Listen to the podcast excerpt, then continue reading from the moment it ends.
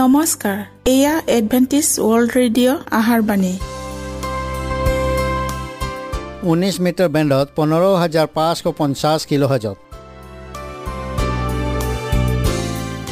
Adventist world radio যোগে অসমীয়া ভাষাত প্ৰচাৰিত আহাৰবাণী প্ৰত্যেক বুধবাৰ আৰু দেওবাৰ সন্ধিয়া সাত বজাত আহাৰবাণী শুনাৰ পিছত আপোনালোকৰ কিবা মন্তব্য আৰু প্ৰশ্ন থাকিলে আমালৈ এই ঠিকনাত লিখক। আমাৰ ঠিকনাটি হৈছে Adventist world radio' seven day Adventist মণ্ডলী অসম শাখা লতাকাটা বশিষ্ট গুৱাহাটী সাত আঠ এক শূন্য দুই ন।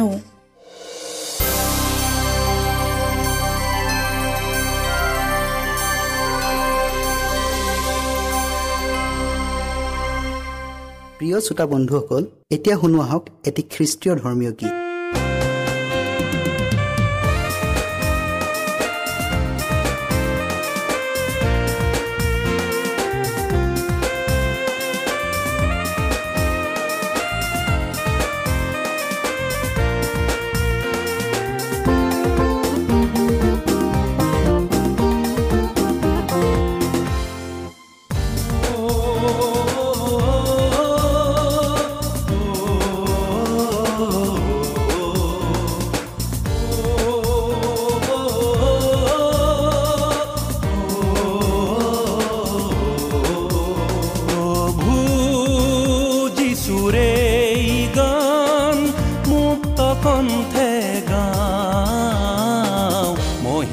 তোমারে মহিমা তোমারে মহিমা তোমারে গাও তোমারে ধরণী খনি সৃষ্টির নানারু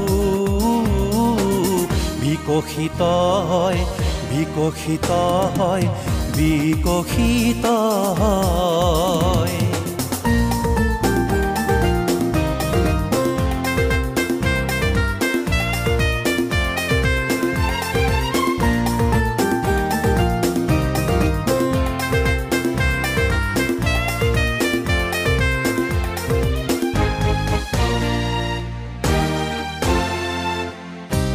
পৃথিৱীৰ মানৱৰ মনত এই ধৰণীৰ সৃষ্টিৰ মাজ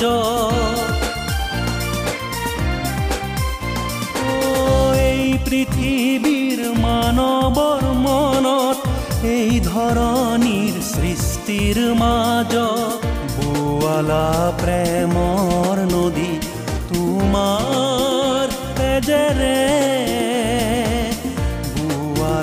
প্ৰেমৰ নদী তোমাৰ তেজেৰে মহিমা তোমাৰে মহিমা তোমাৰে মহিমা তোমাৰে গাওঁ। প্ৰভু যিচুৰে গান মুক্ত কণ্ঠে গাওঁ। মহিমা তোমাৰে মহিমা তোমাৰে মহিমা তোমারে গাও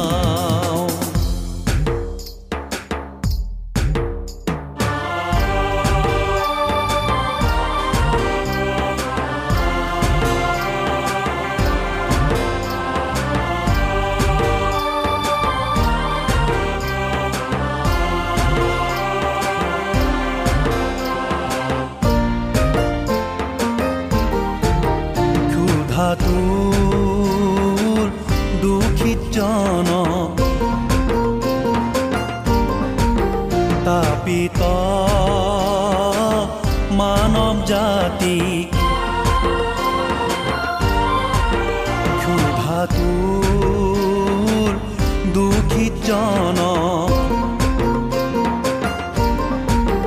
তাপিত মানৱ জাতি দিলাশ্ৰয় তুমি দুবাহুতে। মহিমা তোমাৰে মহিমা তোমাৰে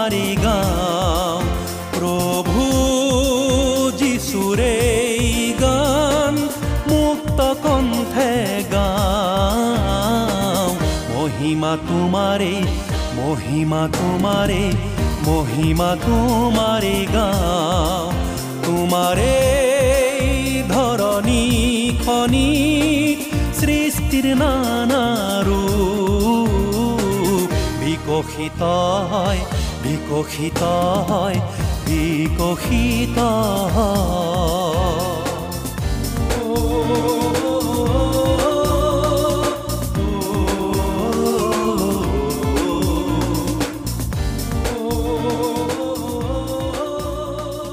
প্ৰিয় শ্ৰোতা বন্ধুসকল আহক আমি খন্তেক সময় বাইবেল অধ্যয়ন কৰোঁ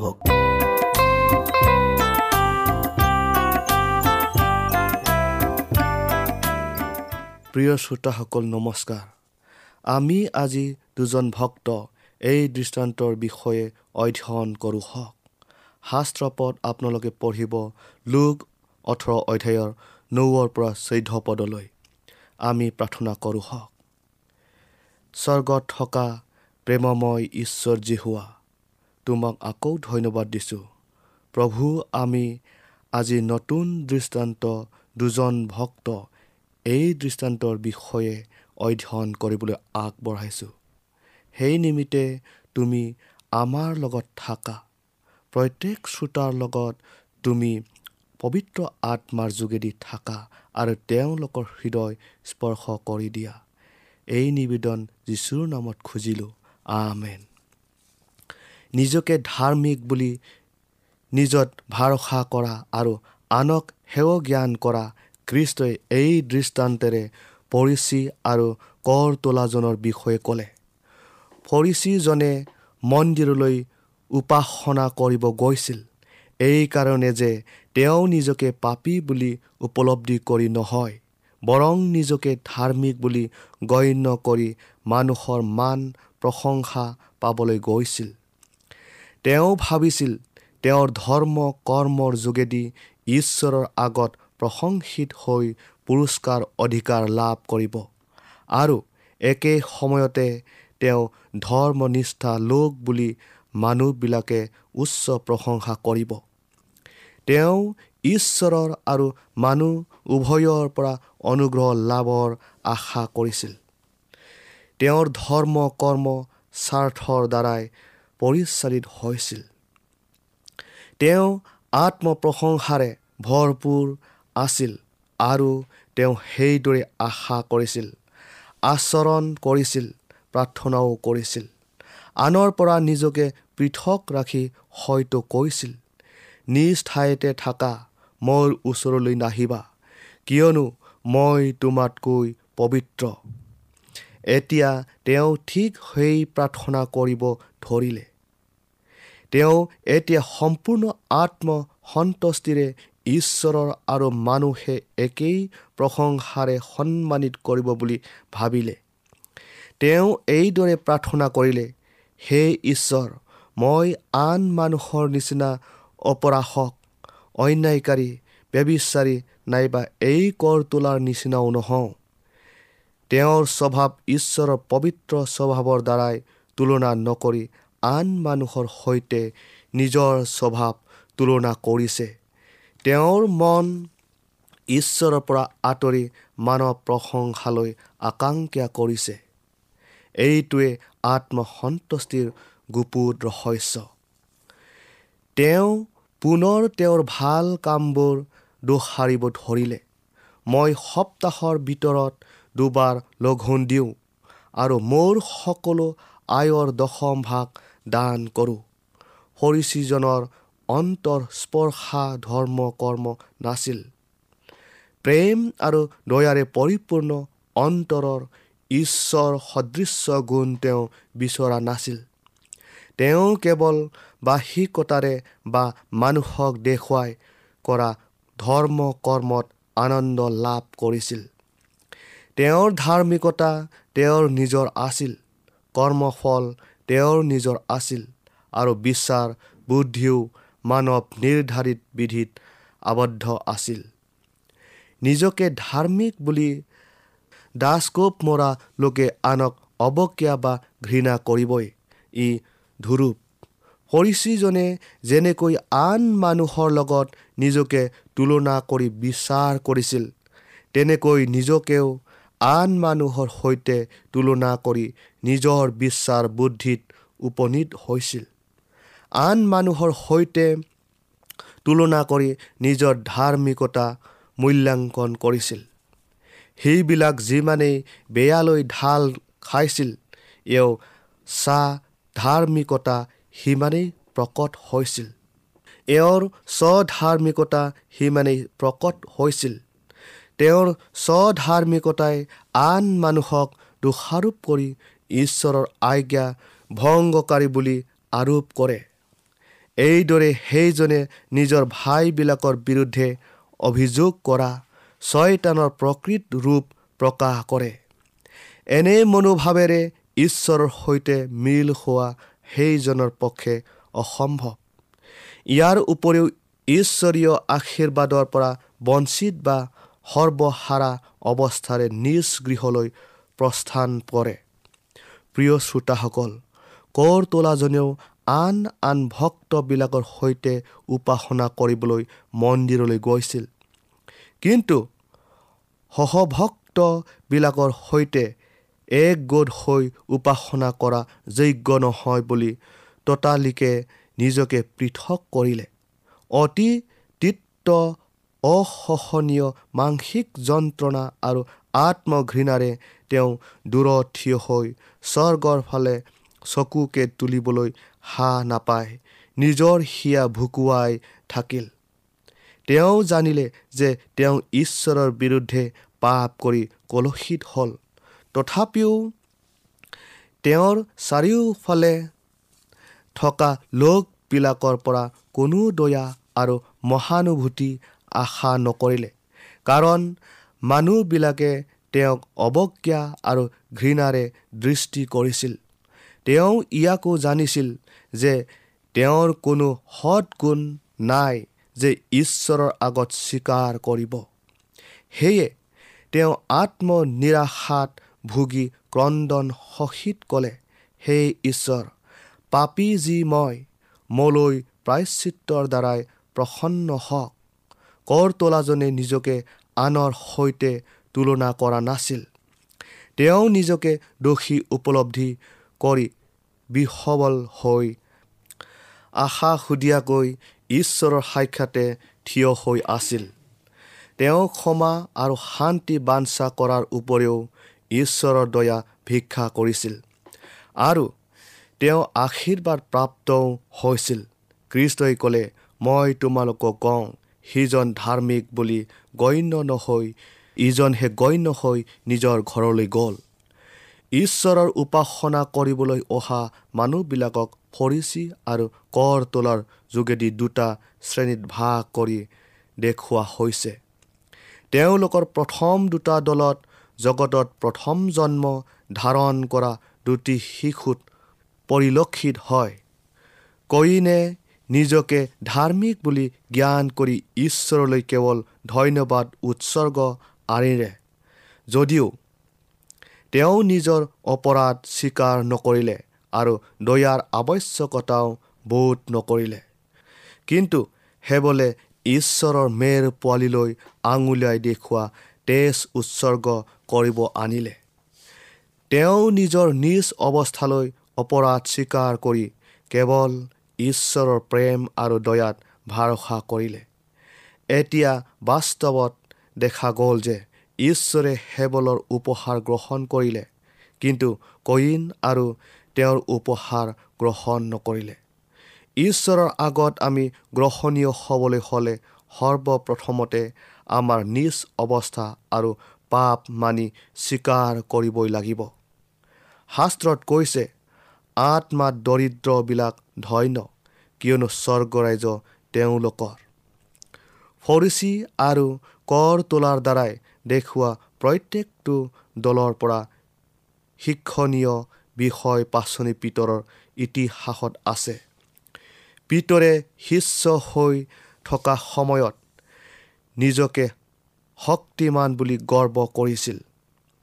ফৰিচীজনাৰ দৰে নিজকে মই আন মানুহৰ নিচিনা নহওঁ এইভাৱে পোষণ কৰিছিল।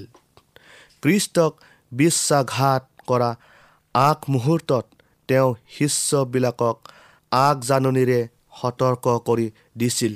এই বুলি আজি নিশা তোমালোকে সকলোৱে বিঘিনি পাবা। তেতিয়া পিতৰে দৃঢ়তাৰে প্ৰকাশ্যে ক'লে যদিও সকলোৱে বিঘিনি পায় তথাপি মই নাপাম। পিতৰে নিজৰ বিপদৰ কথা নাজানিছিল। নিজৰ সামৰ্থৰ ওপৰত কৰা বিশ্বাসে তেওঁ অবাটে নিলে। তেওঁ নিজৰ মনতে ভাবিছিল যিকোনো বাধা বিঘিনি আহিলেও প্ৰতিৰোধ কৰিবলৈ সমৰ্থ। কিন্তু অলপ সময়ৰ পাছতেই সেই পৰীক্ষা অহাত হাও আৰু শপতেৰে নিজ প্ৰভুক স্বীকাৰ কৰিলে।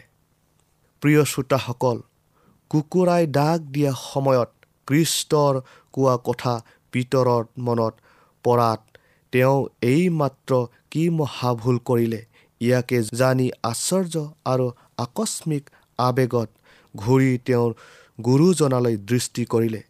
সেই মুহূৰ্তত কৃষ্টও পিতৰলৈ চোৱাত সেই শোকৰ চাৱনিৰ অন্তৰালত যি দয়া আৰু প্ৰেম মিহলি হৈ আছিল তাক পিতৰেহে বুজিছিল। তেওঁ ৰ'ব নোৱাৰি বাহিৰলৈ গৈ শোকেৰে ক্ৰদন কৰিলে। কৃষ্টৰ সেই চাৱনীয়ে পিতৰৰ হৃদয় চূৰ্ণ বিচূৰ্ণ কৰিলে। এই সন্ধিক্ষণতে পিতৰে তেওঁৰ অন্তৰ আত্মাৰে তেওঁৰ পাপৰ কাৰণে অনুতাপ কৰিলে। তেওঁ কৰ তোলাজনৰ দৰে খেদ আৰু অনুতাপ কৰিছিল আৰু কৰ তোলাজনৰ দৰে পিতৰেও দয়া অনুগ্ৰহ পালে।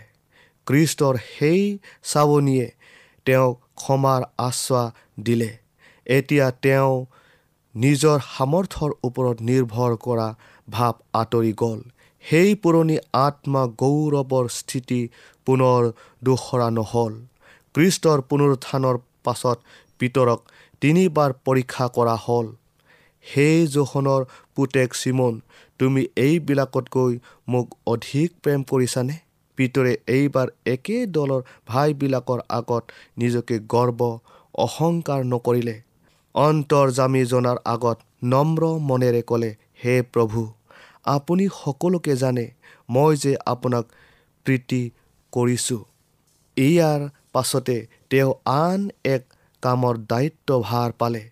এই কাম বিস্তৃত আৰু দায়িত্ব বহুল ইতিপূৰ্বে থকা দায়িত্বতকৈ অধিক কৃষ্টই তেওঁ মেৰবিলাক চৰাবলৈ আদেশ দিছিল। অৰ্থাৎ যি লোকবিলাকৰ কাৰণে ত্ৰাণকৰ্তাই নিজৰ প্ৰাণ আহুতি দিলে। সেই লোকবিলাকৰ নিমিত্তে তেওঁৰ ঘৰগিৰি বাপ দিলে। পিতৰে পুনৰ নিজ সাহসিকতাৰ বলিষ্ঠ প্ৰমাণ দিলে। এই সময়ত দুৰ্দান্ত গৰ্বী নিজ শক্তিত নিৰ্ভৰ কৰা শিষ্যজন নম্ৰ আৰু শান্ত শিষ্ট হ'ল। এতিয়াৰে পৰা আত্মত্যাগেৰে আৰু নিষ্ঠাৰভাৱে প্ৰভুৰ অনুগামী হ'ল। তেওঁ কৃষ্টৰ দুখ ভোগৰ সমভাগী আছিল আৰু যেতিয়া কৃষ্ট গৌৰৱৰ সিংহাসনত বহিব তেতিয়া পিতৰো তেওঁৰ গৌৰৱৰ অধিকাৰী হ'ব। প্ৰিয় শ্ৰোতাসকল যি অসৎ কৰ্মই পিতৰৰ পতন ঘটাইছিল আৰু পৰিচীজনক ঈশ্বৰৰ সৈতে সম্বন্ধ ৰখাত ব্যাঘাত জন্মাইছিল সেই একে অশক্তিয়ে আজি সহস্ৰজনক ধ্বংসৰ পটলৈ ঠেলি নিছে। ঈশ্বৰৰ আগত মানুহৰ মনৰ গৰ্ব অহংকাৰ আৰু স্বাৰ্থপৰতাৰ দৰে ইমান জঘন্য আৰু বিপদজনক অপৰাধ আৰু নাই। আটাই অপৰাধৰ ভিতৰত এনে অপৰাধ অতিকৈ নিৰাশজনক আৰু কোনোৰূপেই উপশম কৰিব নোৱাৰা বিধৰ। তৎক্ষণাত পিতৰৰ পঠন ঘটা নাছিল কিন্তু ধীৰ গতিৰে পতন ঘটিছিল। নিজৰ সামৰ্থৰ ওপৰত নিৰ্ভৰ কৰি তেওঁ নিজকে পৰিত্ৰাণ পোৱা লোক বুলি বিশ্বাস কৰিছিল। আৰু একোচ একোচকৈ ইমান নিম্নগামী হ'ল যে অৱশেষত তেওঁ নিজ প্ৰভুকে অস্বীকাৰ কৰিলে। নিজৰ ওপৰত নিৰাপদ নিৰ্ভৰ কৰি বা অনুভৱ কৰি বিশ্বাস কৰাই স্বৰ্গপ্ৰাপ্তি হ'ব নোৱাৰোঁ। কোনো প্ৰকাৰৰ বাধা বিঘিনিও প্ৰতিশোধ কৰিব নোৱাৰোঁ। ত্ৰাণকৰ্তাক গ্ৰহণ কৰাবিলাকে যিমানেই মনৰ সৰলতাৰে আৰু আন্তৰিকতাৰে পৰিৱৰ্তন নহওক কিয় তেওঁলোকে কোনো ৰূপে ক'ব নালাগে বা শিকাবও নালাগে বা পৰিত্ৰাণ পালোঁ বুলিও ভাৱ আনিব নালাগে। এইদৰে কৰিলে ভুল পথে পৰিচালনা কৰা হয়। আশা আৰু বিশ্বাসেৰে প্ৰত্যেক মনত পোষণ কৰিব লাগে। কিন্তু যেতিয়া আমি নিজকে কৃষ্টত সোধাই দিওঁ আমিও জানিব লাগে তেওঁ আমাক গ্ৰহণ কৰিছে। কাৰণ বাধা বিঘিনিয়ে আমাক ঢুকি পোৱাত দূৰত নাই। ঈশ্বৰৰ বাক্যই কৈছে অনেকে নিজকে পবিত্ৰ শুক্লা আৰু পৰীক্ষা সিদ্ধ কৰিব। দানিয়েল বাৰ অধ্যায়ৰ দহ পদত। যি মানুহে পৰীক্ষা সহন কৰে তেওঁ ধন্য। কিয়নো পৰীক্ষা সিদ্ধ হ'লে প্ৰভুৱে প্ৰেম কৰাবিলাকক জীৱনৰূপ কীৰ্তি পাব। প্ৰিয় শ্ৰোতাসকল আজি আমি ইয়াতে সামৰিলোঁ। অহা অনুষ্ঠানত ইয়াৰ বাকী অংশ আমি শুনিবলৈ পাম হওক। ঈশ্বৰে আপোনাৰ লগত থাকক।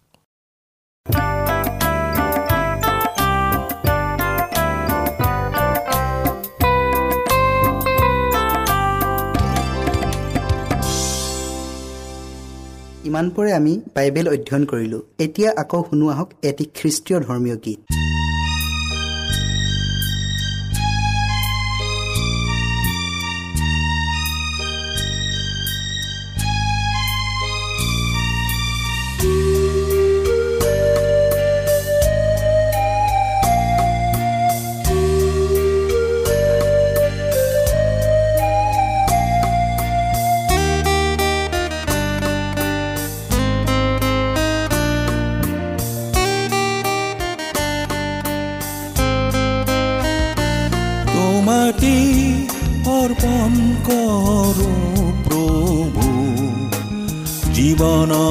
প্ৰতিটো ক্ষণ তোমাতে আঁঠুলৈছো প্ৰভু বিচাৰি শান্তিৰে তোমাতে অৰ্পণ কৰো প্ৰভু জীৱনৰে প্ৰতিটো ক্ষণ তোমাতে আঁঠুলৈছো প্ৰভু বিচাৰি শান্তিৰে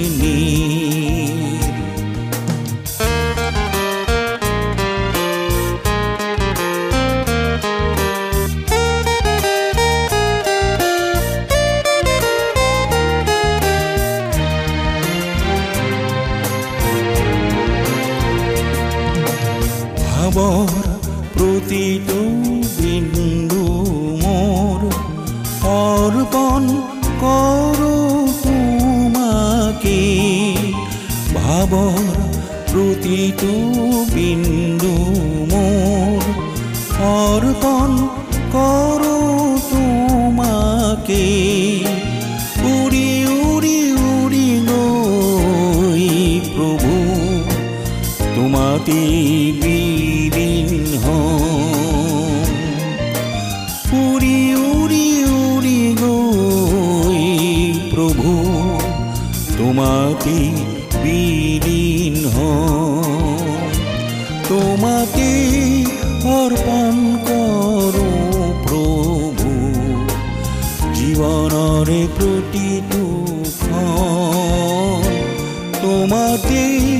আঁঠুলৈছো প্ৰভু বিচাৰি শান্তিৰে নীৰ তোমাতে অৰ্পণ কৰো প্ৰভু জীৱনৰে প্ৰতিটো তোমাতে আঁঠুলৈছো প্ৰভু বিচাৰি শান্তিৰে নীৰ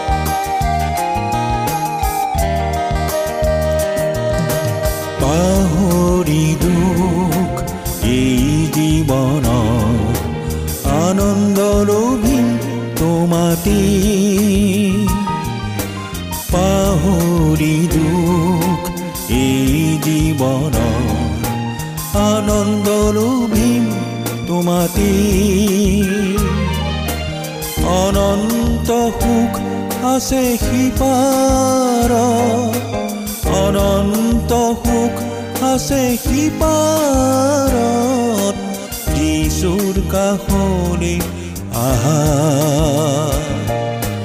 যিচুৰ কাষৰে আহা তোমাতে অৰ্পণ কৰোঁ প্ৰভু। জীৱনৰে প্ৰতিটো খন তোমাতে আঠুলৈছো প্ৰভু বিচাৰি শান্তিৰে নি তোমাতে